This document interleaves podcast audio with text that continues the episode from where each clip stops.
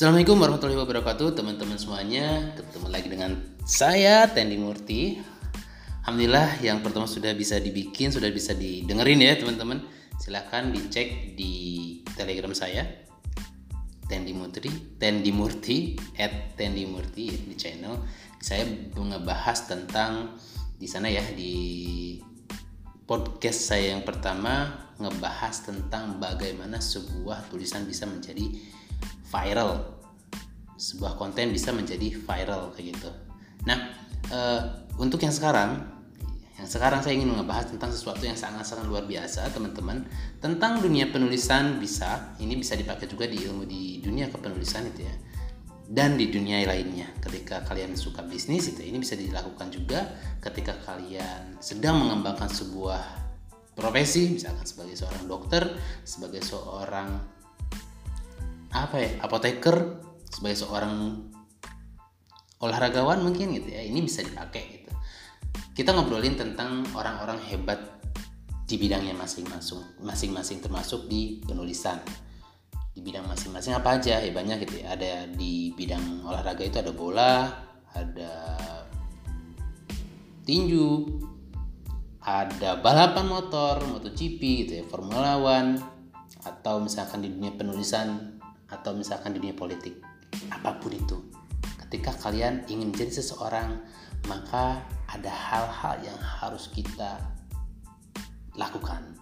Bukan hanya jadi seseorang hanya menjadi seorang itu biasa aja itu.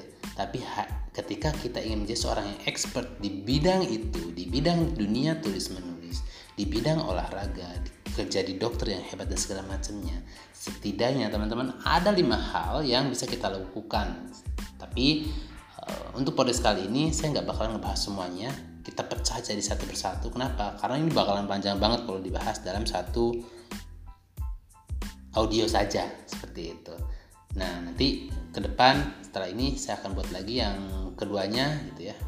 Hal yang yang bisa menjadikan kita expert itu apa aja ada lima gitu ya. Nah yang yang ke depannya lagi ada yang ketiga dan keempat dan yang kelimanya. Oke kita bahas yang pertama yaitu tentang mentor. Jadi orang-orang yang hebat itu teman-teman gak bisa dia hanya menjadi menjadi dirinya sendiri gitu ya, jadi dirinya sendiri dan tanpa ada orang lain. Orang-orang yang hebat tidak hanya ditemukan karena bakat. Gitu. Orang-orang yang hebat gak hanya bakat, tapi orang ada orang-orang yang hebat adalah ketika dia punya bakat dia mengembangkannya dan dia mempunyai seorang mentor. Yep. Jadi yang pertama untuk menjadi seorang expert di bidang apa pun itu ya. Kalau saya di, di dunia tulis menulis dan saya yakin karena follower saya juga banyaknya adalah so, uh, yang suka nulis, yang suka baca, yang pengen jadi seorang penulis gitu ya. Maka teman-teman ketika teman-teman ingin menjadi seorang penulis, yang hal yang harus kalian lakukan adalah cari mentor penulisnya. Kenapa? Karena tanpa mentor kita akan lebih banyak lagi waktu yang terbuang sia-sia. Kita nggak tahu step by stepnya kayak gimana. Ketika kita tahu step by stepnya pun kita lupa. Kadang kita males kadang nggak ada yang memotivasi ketika kita down dan segala macamnya dan segala macamnya. Itulah kenapa Cristiano Ronaldo David Beckham mungkin gitu ya mereka uh, menjadi seorang yang expert di dunia sepak bola karena ada seorang mentor siapa yang mentor yang pertama mereka Alex Ferguson sama dengan misalkan Muhammad Ali. Muhammad Ali juga dia punya mentor yang namanya Angelo Dunde. Atau misalkan ketika kalian ngobrolin tentang Valentino Rossi yang sudah saya bilang tadi, saya udah bilang belum ya? Valentino Rossi gitu ya. Valentino Rossi sampai sekarang adalah seorang pembalap MotoGP yang sangat-sangat melegenda itu. Dan dia punya mentor yang namanya Luca Cadalora. Atau di bidang sains kita kenal dengan Albert Einstein gitu ya. Saya yakin semuanya udah pada tahu siapa Albert Einstein dan mentor terbaiknya dia adalah seorang perempuan yang mendedikasikan hidupnya untuk perkembangan anaknya. Siapa? Ibunya dia Pauline Einstein. Terus siapa lagi ya? Um, presiden kita presiden pertama kita ya Soekarno. Insinyur Soekarno beliau ketika berbicara di depan gitu, orang banyak gitu di ribuan orang itu. Dia bisa menghipnotis dan orang-orang yang ada di depannya itu diam itu keren banget. Kenapa? Enggak karena nggak semua orang bisa seperti itu gitu. Ketika Soekarno naik ke mimbar orang itu langsung jadi senyap. Itu yang terjadi ketika di lapangan Ikada saya pernah baca gitu ya di lapangan Ikada yang sekarang jadi Monas kalau nggak salah. Sekelilingnya itu tentara Jepang tapi dia ingin berpidato dan sudah banyak gitu ya masyarakat rakyat Indonesia di situ sudah ngumpul semuanya. Cuman Soekarno takut khawatir gitu ya akan terjadi keributan. Rakyatnya bakalan ditembakin dan segala macam gitu. akhirnya apa yang terjadi? Soekarno cuma hanya minta tiga hal. Bubar. Kalian pulang ke rumah bubar. Kayak gitu doang dan langsung dengan dengan serempaknya rakyat Indonesia bubar. Itulah yang namanya Soekarno itu dia punya yang namanya namanya mentor. Dan mentor itu siapa? Mentornya adalah host Cokro Aminoto. Teman-teman tahu Cokro Aminoto? Dialah yang melahirkan seorang tiga orang tokoh sorry. Tiga orang tokoh yang itu bisa membuat mengguncangkan peradaban di Indonesia di awal-awal tahun 9 apa di abad 2000 eh di abad 20 sorry. Tua banget ya 2000 di abad 20 siapa aja? Ya eh, Hoso Aminoto melahirkan seorang Soekarno dia juga melahirkan seorang eh, siapa namanya Kartosuwiryo dia juga melahirkan Muso Soekarno di nasionalisnya Kartosuwiryo di islaminya islamisnya dan Muso di komunisnya. Tiga-tiganya adalah orang-orang hebat terlepas dari ideologi itu seperti apa gitu. Artinya memang mentor itu penting banget gitu. pentingnya seperti apa sih gitu ya? Pentingnya yang pertama adalah ketika kita mempunyai mentor kita menjadi lebih cepat belajar. Itu yang pertama. Menjadi lebih cepat belajar. Alhamdulillah saya di mentor kepenulisan saya banyak banget ya. Tapi yang inti-intinya adalah saya bisa uh, saya belajar banyak dari guru saya Mas Ivo Santosa. Karena waktu itu saya juga menjadi salah satu tim beliau di BSD sana. Mbak Asma juga gitu ya. Terus Pak Isa saya juga belajar ke Bang Ahmad Fuadi gitu. Belajar bagaimana cara menulis novel yang baik dan segala macamnya banyak banget dan dari mereka saya mempercepat pembelajaran itu mereka mempunyai trik masing-masing dalam dunia penulisan dan saya serap ambil semua ilmunya saya pelajari, saya muntahkan lagi dalam bentuk tulisan gitu. Jadi teman-teman ketika teman-teman ingin menjadi seorang yang expert di bidang dunia penulis tulis tulis menulis pun lakukan itu, cari mentornya. Teman-teman bisa gabung di KMO Indonesia, masuk aja di KMO Clubnya, banyak mentor-mentor juga di sana. Gitu. Banyak penulis-penulis yang lahir dari KMO Indonesia karena mereka tahu itu betapa pentingnya seorang mentor. Terus apa lagi fungsi dari mentor? Yang kedua adalah memperluas jaringan Teman-teman hari ini saya belajar dari seorang yang luar biasa dan sampai sekarang saya masih belajar gitu ya. Saya lagi-lagi mentor saya mesti saya sebutkan saya saya sangat bangga dengan beliau masih Posantosa. Dari beliau lah saya mengenal banyak orang gitu ya. Jaringan-jaringan saya terbentuk saya kenal ke Ustadz Nasrullah, saya kenal ke orang-orang hebat lainnya gitu seperti itu. Jadi ketika teman-teman sudah bahkan saya akhirnya kenal dengan penerbit-penerbit besar. Kenapa? Gara-gara itu, gara-gara mentor kita sudah mempunyai jalan khusus buat mereka sendiri dan mereka membukakan jalan untuk kita. Akan lebih memudahkan kita ketika kita akan menerbitkan buku dan segala macamnya. Yang ketiga, kenapa kita harus mempunyai mentor? Nah, gini, kita kadang terlalu pede dengan apa yang kita miliki. Kita terlalu pede dengan apa yang kita miliki. Padahal biasanya, kenapa pentingnya mentor? Mereka bisa melihat hal-hal yang kita enggak lihat. Muhammad Ali gitu ya, mentornya itu bisa jadi gampang sekali dipukul sekali pukul cedar itu sih si Dunde itu ya sekali pukul bisa jadi langsung pingsan dan selesai gitu tapi bukan itu kuncinya, bukan itu pentingnya seorang mentor. Mentor itu dia bisa melihat sudut pandang dari sudut pandang yang berbeda. Dia bisa melihat apa kelemahan kita. Dia bisa melihat kekurangan tulisan kita itu di mana. Dia bisa melihat apa yang harus kita lakukan ke depannya seperti apa. Jadi mentor itu eh, penting banget di situ gitu. Jadi uh, mereka mempunyai fokus yang berbeda ketika kita menjadi seorang penulis kita fokusnya ada di, di bagaimana teknik menulisnya. Bagi seorang mentor dia bukan di teknik menulisnya tapi bagaimana cara mengembangkan kita menjadi seorang penulis yang lebih produktif yang lebih expert lagi. Seperti itu. Dia tahu mana kelemahan kita apakah kita lebih suka lebih bagus di dunia tekniknya di fiksi atau di non fiksi dia tahu lebih di atau di buku-buku yang lebih berat dan segala macamnya. Jadi mereka tahu gitu. selanjutnya kenapa mentor itu penting adalah mempraktikkan ide partner untuk mempraktikkan ide jadi kita punya banyak ide gitu kita punya banyak ide dan segala macam dan biasanya teman-teman ide itu datang dalam pikiran kita terkadang tidak bisa diterima oleh orang lain. Kenapa? Karena masih berbentuk ide itu. Sama ketika misalkan J.K. Rowling dia mempunyai Harry Potter, dia sudah lempar sana sini gitu kan. Tapi dia tidak bisa belum bisa menembuskan di penerbitnya, tapi dia masih kuat itu. Kenapa? Karena dia eh, apa namanya?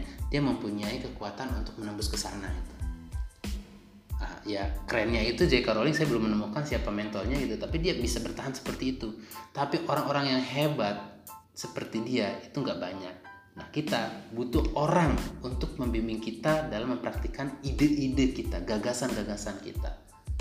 Makanya pentingnya mentor itu seperti itu. Ini yang berapa tuh. Yang pertama mempercepat, mempercepat belajar kedua memperluas jaringan. Yang ketiga apa tadi? Yap melihat dari sudut pandang yang berbeda. Yang keempat mempraktikkan ide-ide yang sudah dibahas dalam mentor yang kelima mengevaluasi perkembangan. Jadi biasanya gini teman-teman. Kita sudah jalan. Goal kita adalah 100 kita sudah jalan nih eh, dari step yang pertama step 1, 2, 3 akhirnya sampai pengen pengen nembus ke step 100 kayak gitu. Cuman uniknya adalah teman-teman kalau kita nggak bisa nggak punya mentor biasanya kita lupa untuk mengevaluasi perjalanan kita. Sudah di perjalanan di 30 kita pengennya terus lari ke 40 50 60 sampai akhirnya 100 padahal masih banyak kelemahan-kelemahan di dalamnya seperti itu. Jadi ketika ada mentor kita bisa melihat mengevaluasi diri kita itu seperti apa. Seperti itu. dan yang terakhir adalah ketika kita galau ini penting banget. Karena banyak penulis-penulis galau gitu ya. Awal-awal uh, penulis-penulis yang baru mulai menulis itu yang baru belajar menulis mereka galau ketika idenya mentok idenya buntu itu nggak ada ide dan segala macam. Ketika udah punya ide mereka pengen ngegarap naskahnya. Kebingungan karena mentok. Seperti itu dan seperti itu. banyak banget hal kayak gitu. Dan itu ketika di, terla, terjadi sering banget terjadi di KMO Club di kelas jadi buku yang KMO adakan gitu ya mereka kebanyakan adalah mentok di ide, mentok di gagasan, habis itu mentok di bagaimana cara menulisnya. Seperti itu. Nah, ketika itu terjadi, teman-teman, maka kenapa ada PJ di KMO itu? Minimal ada PJ, mereka bisa memotivasi kita itu untuk bagaimana supaya kita bisa balik lagi semangat lagi dalam uh, apa namanya mengembangkan ide-ide kita, gagasan-gagasan kita ketika kita blok atau lagi down itu dan ini juga yang diajarkan oleh siapa? Nabi kita Muhammad SAW. Nabi itu punya mentor teman-teman. Siapa mentornya? Malaikat Jibril. Jadi sekelas Nabi gitu ya beliau punya mentor. Mentornya siapa? Malaikat Jibril. Allah datangkan malaikat Jibril ke Nabi Muhammad SAW dan ke nabi-nabi yang lainnya itu kan untuk mengajarkan ikro ayat pertama bahkan dikatakan ikro apa yang harus saya baca? Kata Nabi Muhammad ke Jibril makanya muncullah uh, surat al-alaq. Seperti itu. Jadi teman-teman itulah yang kenapa penting banget uh, adanya mentor itu ya. Karena ya itu tadi ada enam hal yang bisa kita uh, apa pelajari itu. Menutup kekurangan-kekurangan kita. Terus pertanyaannya adalah mentor apa saja sih yang harus kita punya? Ada tiga. Kalau buat saya sendiri sih ada tiga tiga mentor yang harus saya punya. Yang pertama adalah mentor agama saya gitu. Jadi teman-teman banyak sekali orang yang ngejar hidupnya dia, pengen sukses, pengen menjadi expert di bidang tertentu, tapi dia lupa dengan agamanya dia. Nah, kenapa agama? Karena itulah sesungguhnya akan menyelamatkan kita nanti di akhirat.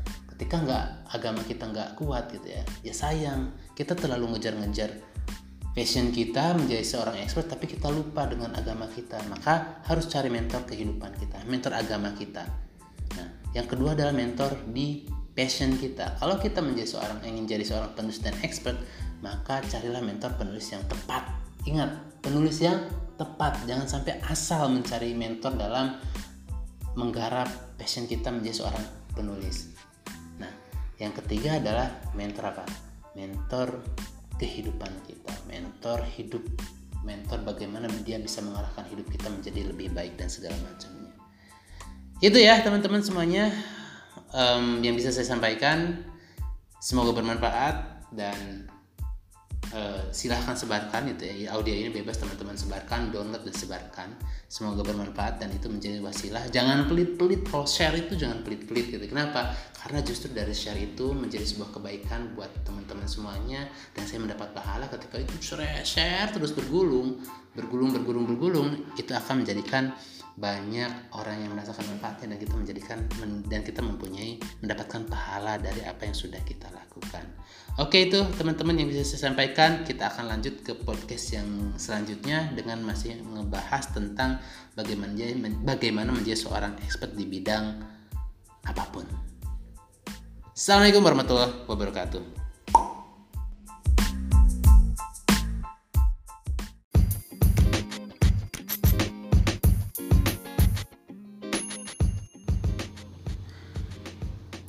Assalamualaikum warahmatullahi wabarakatuh. Teman-teman balik lagi ke uh, podcast saya Materi yang kedua ya tentang bagaimana menjadi seorang expert di bidang tulis menulis terutama. Jadi kemarin kita sudah ngebahas tentang bagaimana mencari mentor gitu ya dan kenapa pentingnya kita memiliki mentor terus bagaimana tokoh-tokoh sekali ber Cristiano Ronaldo gitu ya terus Muhammad Ali orang-orang yang legend gitu ya mereka mempunyai mentor juga ternyata gitu. Jadi ketika kita menjadi expert nggak sembarangan. Jadi kalau misalkan pengen jadi expert ya salah satu tekniknya adalah memiliki mentor. Oke masuk yang kedua. Bagaimana sih supaya kita expert gitu ya? Yang kedua adalah dengan membaca buku. Yep nggak salah baca buku. Kenapa karena orang-orang hebat juga baca buku gitu. Sekelas kalau misalnya teman-teman pernah ngikutin uh, apa Instagramnya Cristiano Ronaldo, Ronaldo dia juga baca buku kayak gitu. Dan uniknya orang-orang hebat di dunia pun membaca buku. Seperti misalkan contohnya siapa ya? Misalkan Oprah Winfrey. Itu dia satu minggu satu buku itu menyelesaikan satu buku. Bill Gates apalagi satu bulan dia bisa ngehabisin 50 buku. Elon Musk pendiri Tesla dia juga 10 jam itu buat ngasih uh, ngebaca buku seperti itu. 10 jam loh bukan dan itu sehari gitu bukan satu 10 jam itu satu bulan bukan gitu ya. nah terus misalkan siapa lagi bahkan presiden pertama kita gitu Yer Soekarno Insinyur Soekarno dia juga baca buku bahkan di toiletnya tuh ada buku ada buku itu jadi di mana mana dia tempatin tuh buku-buku seperti itu. Kenapa? Karena buku adalah jendela itu kalau misalnya ada ya istilah yang mengatakan bahwa kalau kita ingin mengetahui dunia maka dengan membaca buku ingin mengetahui dunia. Tapi kalau ingin dunia mengetahui kita maka nulis buku. Itu ada istilah seperti itu itu dan itu memang benar itu nah unik di salah satu penelitian salah satu penelitian di kampus Central Connecticut State University tahun 2016 dia bilang bahwa Indonesia itu adalah salah satu negara dengan tingkat baca bukunya terendah di dunia. Dari 61 Indonesia peringkat 60 pertama baca sih wih bener gitu gitu ya sampai akhirnya percaya juga sih sebenarnya tapi ingat lihat indikatornya di mana gitu indikatornya apa indikator si Central Connecticut State University ini ternyata adalah dari kunjungan perpustakaan-perpustakaan di Indonesia. Kalau kita lihat itu ya di Indonesia memang jarang banget itu orang pergi ke perpustakaan. Kayaknya nggak hanya orang-orang yang bener-bener niat yang datang ke perpustakaan. Contoh siapa? Peneliti, mahasiswa, atau anak-anak SMA gitu yang memang mereka ditugaskan seperti itu. Nah, tapi kalau misalkan orang-orang seperti yang ya orang biasa gitu kan, orang yang nggak punya kepentingan untuk pergi ke perpustakaan itu itu bukan menjadi budaya orang Indonesia untuk pergi ke perpustakaan. Tapi kalau misalkan indikatornya adalah orang pergi ke toko buku gitu ya, ke Gramedia gitu toko buku Gramedia ke Gunung Agung gitu. Atau misalkan baca buku di aplikasi itu beda lagi. Indikatornya bakalan berbeda seperti hasilnya akan ber, bakalan berbeda. Kenapa? Ya itu tadi.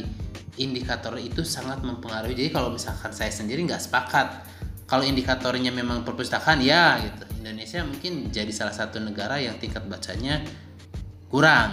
Tapi kalau misalkan kita lihat dari indikator lain belum tentu Indonesia menjadi negara terendah tingkat bacanya gitu. Jadi saya sih nggak nggak percaya sih kalau misalnya Indonesia itu menjadi negara yang terendah tingkat bacanya. Kenapa? Karena buktinya mall-mall di Indonesia ada toko bukunya dan toko bukunya rame banget apalagi pas lagi diskon-diskonan ketika ada Big Bad Wolf gitu kan buku-buku internasional datang buka pameran Indonesia uh, orang-orang di penjuru uh, Indonesia gitu ya terutama di Jawa pada datang. Padahal itu bukunya buku-buku luar gitu kan. Nah artinya memang beda beda budaya aja sih antara si risetnya si university itu dengan kebiasaan-kebiasaan orang Indonesia. Oke, balik lagi ke kenapa sih orang-orang expert itu baca buku yaitu tadi untuk membuka wawasan. Ketika diskusi, ketika ngobrol, ketika berbicara di hadapan umum mereka akhirnya punya ya eh, apa namanya informasi-informasi yang kadang orang lain nggak tahu gitu. Terus kenapa kita harus baca buku, teman-teman? Apalagi orang seorang penulis itu ya. Penulis itu kayak dua apa kayak koin gitu ya, dua apa mata uang yang mempunyai dua sisi. Satu sisinya untuk menulis, satu sisinya untuk membaca.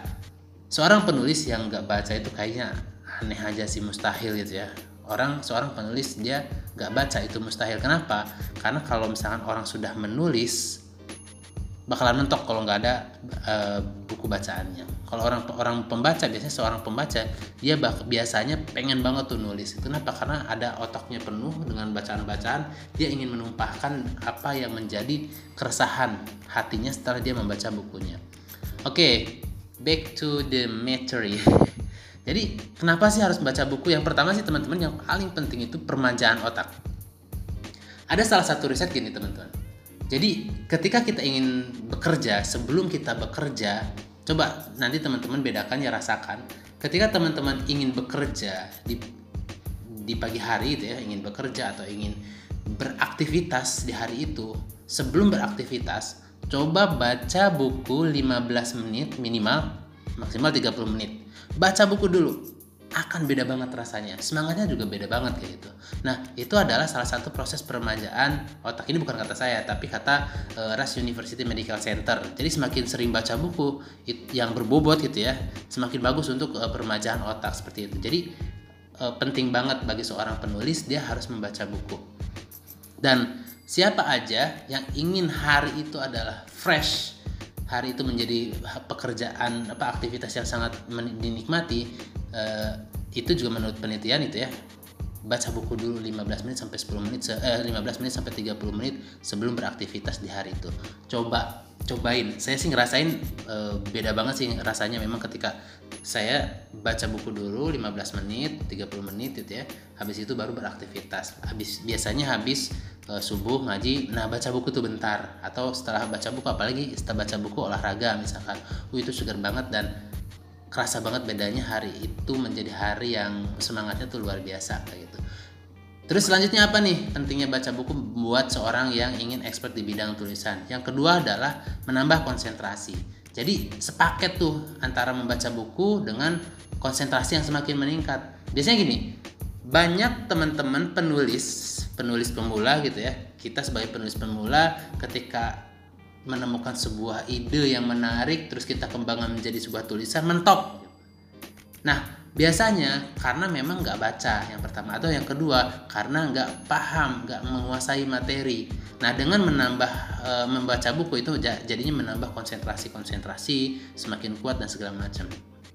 Dan ketika kita kerja pun ya yang saya bilang tadi gitu itu menambah konsentrasi seperti itu sih teman-teman. Uh, imajinasi juga berbeda gitu kan. Ketika kita sudah membaca buku tuh imajinasi berbeda. Apalagi bacanya baca-baca buku fiksi seperti itu ya. Novel uh, apa namanya cerpen dan segala macamnya. Terus yang ketiga teman-teman. Jadi yang yang yang ketiga ya. Tadi yang pertama menambah konsentrasi terus yang uh, kedua eh sorry yang pertama itu apa peremajaan otak yang kedua menambah konsentrasi. Uh, yang ketiga adalah menambah kosakata baru teman-teman. Jadi beda banget. Coba kalian uh, pelajari gitu ya. Coba kalian pelajari banyak, uh, antara satu orang yang dia nggak jarang banget baca buku dengan orang yang baca buku cara bicaranya pun beda.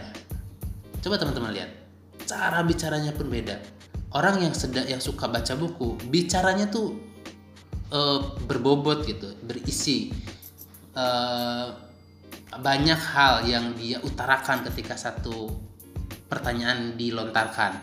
Tapi orang yang gak baca buku ya mentok gitu-gitu aja gitu. Pembahasannya itu lagi itu lagi ngomongnya itu lagi seperti itu. Jadi beda banget orang yang punya yang yang sering baca buku dengan orang yang gak baca buku. Kosa katanya tuh terus-terus bertambah.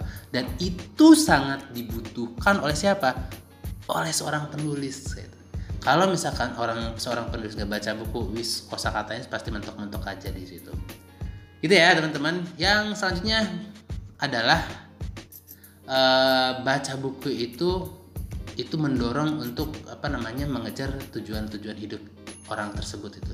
Jadi ini juga menurut penelitian gitu ya bahwa uh, orang yang suka membaca akan selalu termotivasi dalam mewujudkan uh, tujuan-tujuan hidupnya impian-impian hidupnya gitu.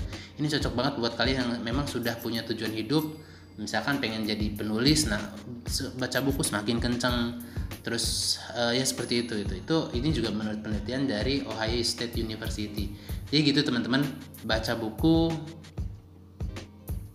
banyak berita banyak ini sih baca banyak baca gitu kan. Apalagi sekarang udah banyak banget eh, media-media yang bisa kita manfaatkan selain buku fisik gitu kan. Teman-teman juga bisa baca buku di platform-platform di uh, kita punya ketik situ ya. Insya Allah mungkin sebentar lagi akan ganti nama saya belum tahu namanya apa gitu tapi mudah-mudahan uh, lebih baik lagi namanya.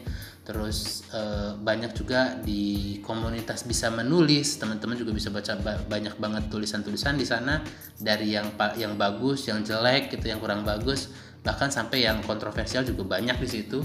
Teman-teman bisa baca di sana. Banyakin baca banyakin ilmu teman-teman insya Allah akan expert di bidang uh, itu gitu. Kalau misalnya teman-teman pengen jadi seorang uh, apa namanya pembisnis, banyakin buku buku-buku bisnis dibaca kayak itu. Itu semakin sering baca, semakin masuk ke otak bawah sadar. Ketika kita memutuskan sesuatu pun kita sudah tahu apa yang harus kita lakukan dibandingkan dengan kita yang gak baca, jarang baca, tapi kita pengen sesuatu gitu harus ada cara yang berbeda untuk mendapatkan hasil yang berbeda. Seperti itu sih teman-teman semuanya. Uh, semoga bermanfaat. Kita lanjut nanti ke materi yang ketiga gitu ya. Bagaimana kita menjadi seorang expert di bidang apa pun, terutama di bidang tulis menulis. Yang pertama yang pertama sudah saya bahas tentang coach, tentang pelatih, yang kedua tentang baca buku. Oke, terima kasih semuanya. Assalamualaikum warahmatullahi wabarakatuh.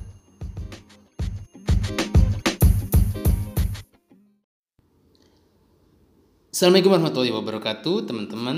Uh, kembali bersama saya Tendi Murti. Uh, kita sekarang akan membahas tentang materi yang ketiga dari bagaimana menjadi seorang expert di bidang tulis menulis terutama.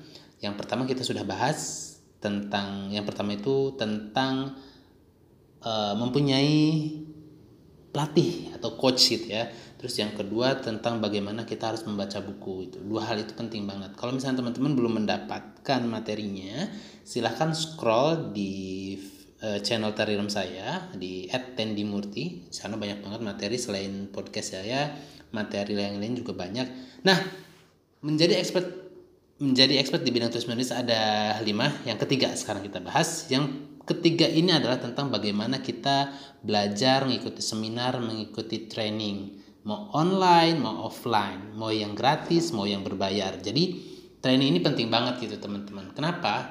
Ya uh, training ini nggak akan didapatkan dari buku-buku. Jadi selain kalau di buku-buku yang kita pelajari kita baca itu kita tidak mendapatkan bagaimana gestur si pembaca itu gitu ya. Kita bisa berimajinasi dari buku. Tapi di training ada ada ada emosional yang terbangun gitu ya. Nah uh, dulu waktu zaman saya kuliah pun ya teman-teman kalau misalkan uh, kuliah saya kurang begitu bagus tapi uh, bukan berarti nggak bagus di sisi yang lainnya itu jadi kalau dulu waktu kuliah saya masuk di kelas kelas training gitu ya bukan bukan justru bukan kelas-kelas kuliah tapi saya masuk ke kelas-kelas training ke seminar training yang gratis yang berbayar gitu ya. Kenapa? Kayak ngerasa kuliah saya di, uh, sedang berada seperti di penjara. Jadi kuliah saya itu penjara gitu ceritanya panjang lah itu ya. Teman-teman bisa baca di buku saya di stop belajar kalau ingin pintar.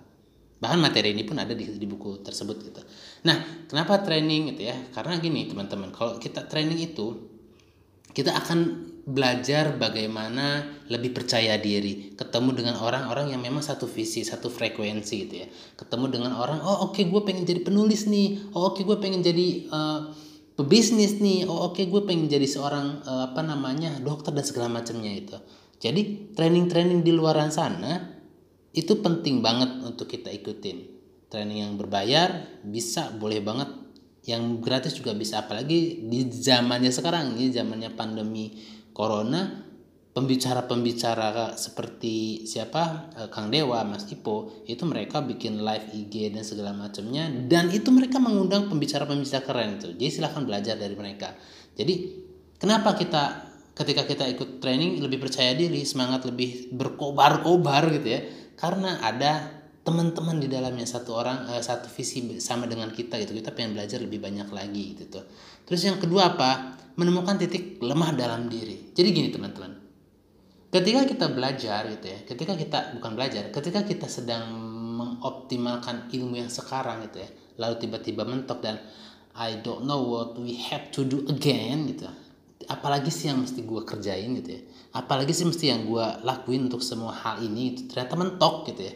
Berarti itu tandanya kita harus menambah wawasan. Kita bertemu dengan titik lemah diri kita dulu waktu ketika saya ngebangun bisnis itu ya saya alhamdulillah beberapa kali bisnis dan ditutup dengan sukses gitu ya. Nah belajar waktu itu adalah oke okay, bisnis itu adalah seperti ini seperti ini seperti ini. Selesai sampai di situ. Ketika bangkrut bang e, selesai lagi. Bangkrut lagi buka lagi. Bangkrut lagi buka lagi. Setiap kebangkrutan itu saya mempelajari apa sih yang sebenarnya bermasalah itu. Baru tuh ketemu itu. Sampai akhirnya saya bisa mendirikan e, komunitas menulis online gitu. Akhirnya saya bisa mendirikan e, penerbitan. Akhirnya saya bisa membuat aplikasi itu itu gara-garanya apa? Gara-garanya ada menemukan titik terlemah diri kita tuh di mana sih itu ketemu titik lemahnya baru kita bisa mempelajari apa yang harus kita lakukan. Jadi ketika kita nggak ketemu sama orang perasaan ilmu kita udah cukup ya gitu ya ketika kita bertemu dengan kayaknya ilmu kita tuh udah, udah, udah luar biasa gitu. Padahal ketika kita mencari ilmu di tempat yang lain ternyata uh, luar biasa ilmu itu. Semakin kita mempelajari sesuatu yang baru semakin merasa diri kita itu adalah seorang orang yang gak punya ilmu itu. Dikit banget secuil banget itu ilmu kita itu. Makanya belajar dari uh, buku, belajar dari training, belajar dari seminar, dari workshop dan segala macam itu penting banget. Dan saya yakin teman-teman, orang-orang expert di bidang apa pun selalu mereka terus mengupgrade ilmu mereka. Saya pernah melihat bagaimana Mas Ipo mengejar materi apa uh, tiket training di salah satu uh, apa salah satu pembicara di Singapura, bahkan yang datang ke Indonesia itu bahkan beliau sampai rela-rela menjadi supirnya dalam tanda kutip itu ya supirnya uh, siapa namanya uh, Ustadz Samsi Ali itu kan ngajak ngajak maksudnya bawa pakai mobilnya beliau gitu dan ngobrol di dalamnya. Terus apa namanya eh, ketika Zakir naik datang ke Indonesia beliau yang ngurusin semuanya itu dalam rangka apa? Dalam rangka berguru ke orang-orang yang lebih hebat daripada diri kita. Sama Asmana dia juga datang ke apa namanya ke apa namanya aduh lupa. Ada program ke luar negeri untuk nulis itu ya seperti itu. Jadi terus upgrade diri kita itu belajar ke pembicara-pembicara yang lebih sukses. Benchmark mereka. Benchmark mereka bagaimana caranya uh, si apa si orang itu pindah ke dalam diri kita. Kita misalkan teman-teman ingin menjadi seorang seperti Terelie, maka lakukan apa yang dilakukan oleh Terelie. Ketika teman-teman ingin menjadi seorang asmana dia, maka lakukan apa yang dilakukan oleh asmana dia. Benchmark, copy paste ke dalam diri kita gitu. Nah itu adalah salah satu fungsi dari training dan seminar. Terus apa lagi nih gitu ya? Yang selanjutnya adalah nambah wawasan ya seperti yang saya bilang tadi gitu ya. Wawasan itu penting banget akan selalu berdampak wawas semakin banyak wawasan yang kita tahu semakin merasa kita dari kita itu kecil semakin merasa ilmu itu semakin semakin kita belajar semakin ngerasa diri kita semakin dikit banget ilmu gitu. Yang baru kita serap tuh dikit banget kayak itu jadi nambah wawasan dan segala macamnya. Uh, bahkan ketika ngobrol pun ya ketika kita ngobrol itu ya, kalau kita udah belajar uh, ikut training ikut seminar ikut workshop baca buku ngobrol pun jadi nyambung gitu. Enak ngobrolnya gitu. Misalkan gini teman-teman ketika misalkan ikut sebuah training atau ikut sebuah seminar biasanya kita tuh mengidolakan orang itu mengidolakan si pembicara gitu ya. Dan ketika kita mengidolakan dia ketemu sama orangnya apa yang teman-teman lakuin? Pasti kebanyakan mintanya foto gitu.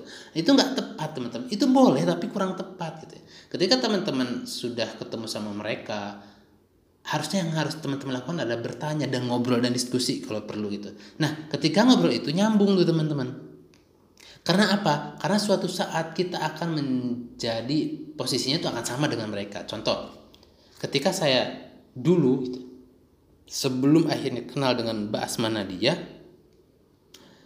saya sangat mengagumi beliau. Saya sangat mengagumi beliau. Saya foto sama beliau. Akhirnya saya kenal saya eh, apa namanya siaran di radio RRI Pro, Pro 2 sama beliau itu. Itu masih belum kenal itu. Tapi ketika sudah sekarang udah kayak saudara bahkan saya menganggap beliau kakak gitu kan ngobrol sana sini itu enak gitu. Kenapa? Karena nyambung itu frekuensinya itu berusaha untuk kita sambungkan obrolan apa yang beliau bilang kita sambungkan.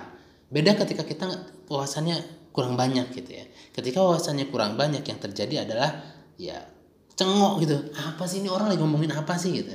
Sama ketika misalkan kita ngobrolin sesuatu yang kita nggak kuasai sama sekali. Sama gitu. Cengok ini apa sih? Ngomong apa sih?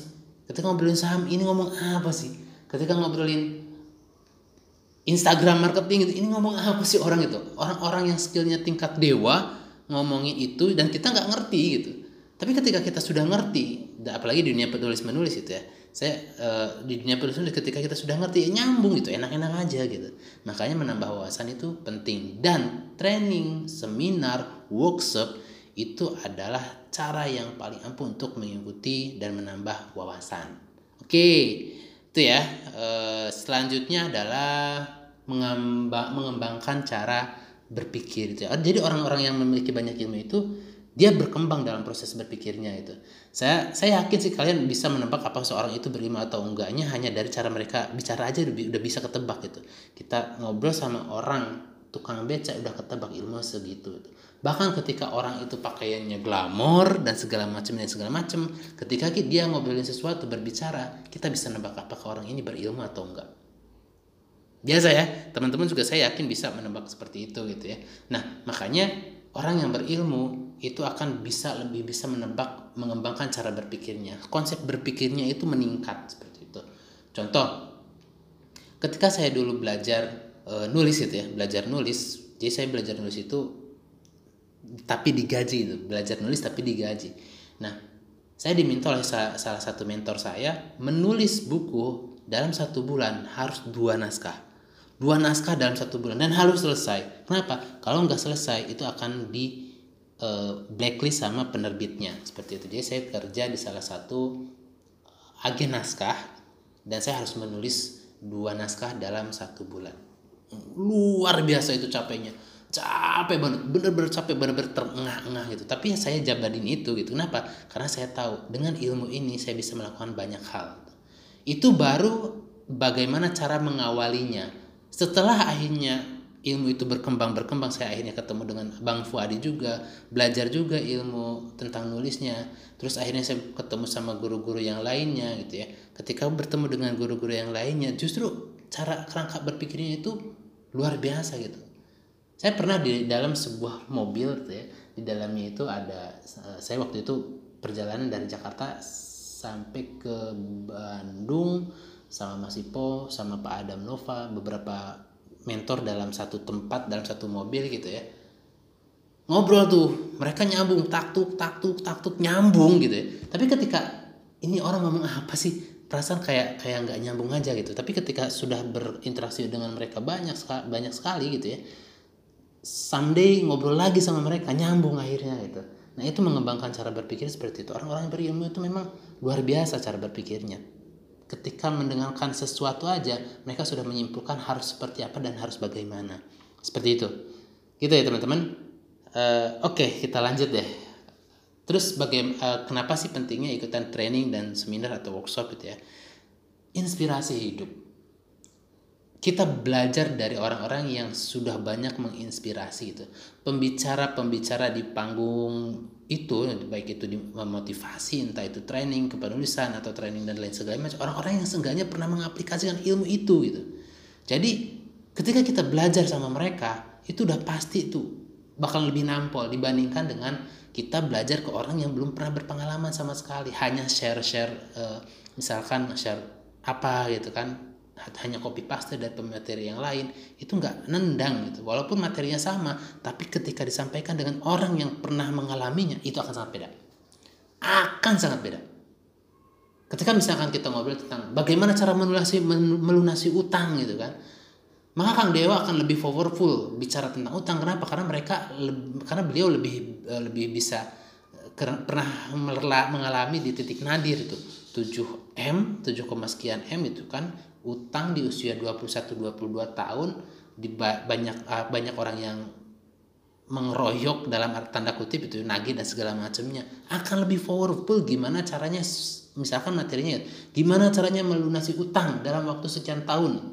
Akan lebih powerful. Kenapa? Karena dia sudah melakukan itu. Beda dengan saya gitu kan. Saya ngomongin tentang bagaimana caranya melunasi utang 1 M aja atau 7 M kayak Kang Dewa gak powerful. Kenapa? Karena saya belum pernah mengalaminya. Dan jangan sampai kita mengalami itu. Sama ketika misalkan kita nulis buku. Saya kita pengen belajar tentang bagaimana cara menulis novel kalau kita masuk ke dunia penulisan itu ya. Orang sekelas Asma Nadia orang sekelas Ahmad Fuadi orang sekelas Terelie mereka akan lebih kuat ngomongin materi tentang fiksi novel dibandingkan dengan orang-orang yang belum pernah melakukan itu gitu belum pernah menulis novel. Walaupun ilmunya diambil dari YouTube, dari Facebook, dari Google dan segala macamnya materinya sama tapi powerfulnya akan lebih berbeda dibandingkan dengan orang-orang yang sudah melakukan menulis itu dan mereka mengajarkannya. Seperti itu. Jadi orang-orang seperti itu yang harus menjadikan inspirasi hidup kita gitu. Dan gak gampang. Belajar ini seumur hidup. Teman-teman dari datang dari cerot gitu ya dari lahir sampai akhirnya kita mati gitu ya. Ya belajar gitu bahkan orang-orang yang hebat pun ya masih belajar itu jadi eh, banyak belajar banyak berlatih banyak masuk ke seminar banyak masuk ke training ke coaching mau online mau offline gitu ya. Silakan ikuti itu gitu. kenapa? Karena untuk menjadi expert kita harus banyak inspirasi-inspirasi itu. Ya memang mahal gitu. Memang agak sedikit mahal apalagi yang berbayar. Biasanya kalau yang berbayar itu udah ke, ke daging-dagingnya dijelasin semuanya itu ya mahal itu makanya investasi leher ke atas itu penting investasi leher ke atas, investasi otak, ilmu, nutrisinya kayak gitu. Seperti itu. Jadi eh, makanya saya sepakat banget sih sebenarnya dengan kata-kata eh, dari siapa namanya Muhammad Ali gitu ya. Jadi Muhammad Ali bilangnya gini, sang juara itu nggak bisa dibuat dari pusat-pusat kebugaran karena dia tukang olahraga gitu ya, tukang olahraga Sang juara itu dibuat dari sesuatu yang mereka miliki dalam dirinya. Apa itu? Keinginan, mimpi, dan sebuah visi. Tiga hal itu. Jadi kalau misalnya teman-teman ingin menjadi seorang penulis, temukan keinginannya, temukan mimpinya, dan temukan visinya apa. Kalau misalnya udah menemukan itu, itu udah bener tuh. Bakalan kerja keras habis-habisan. Saya menjabani penulis buku dua naskah dalam satu bulan selama hampir tujuh 8 bulanan itu saya lakuin itu. Seperti itu. Jadi teman-teman begitu ya eh, masuk ke training-training seminar motivasi mau gratis mau berbayar mau online mau offline terserah. Intinya adalah ketemu sama orang belajar ke dia pelajari cara e, materinya cara menyampaikannya pelajari semua hal tentang apa yang dia lakukan Oke, teman-teman, itu saja yang bisa saya sampaikan. Kita lanjutkan ke materi selanjutnya, materi keempat gitu ya, eh, di kondisi dan waktu yang lainnya. Assalamualaikum warahmatullahi wabarakatuh.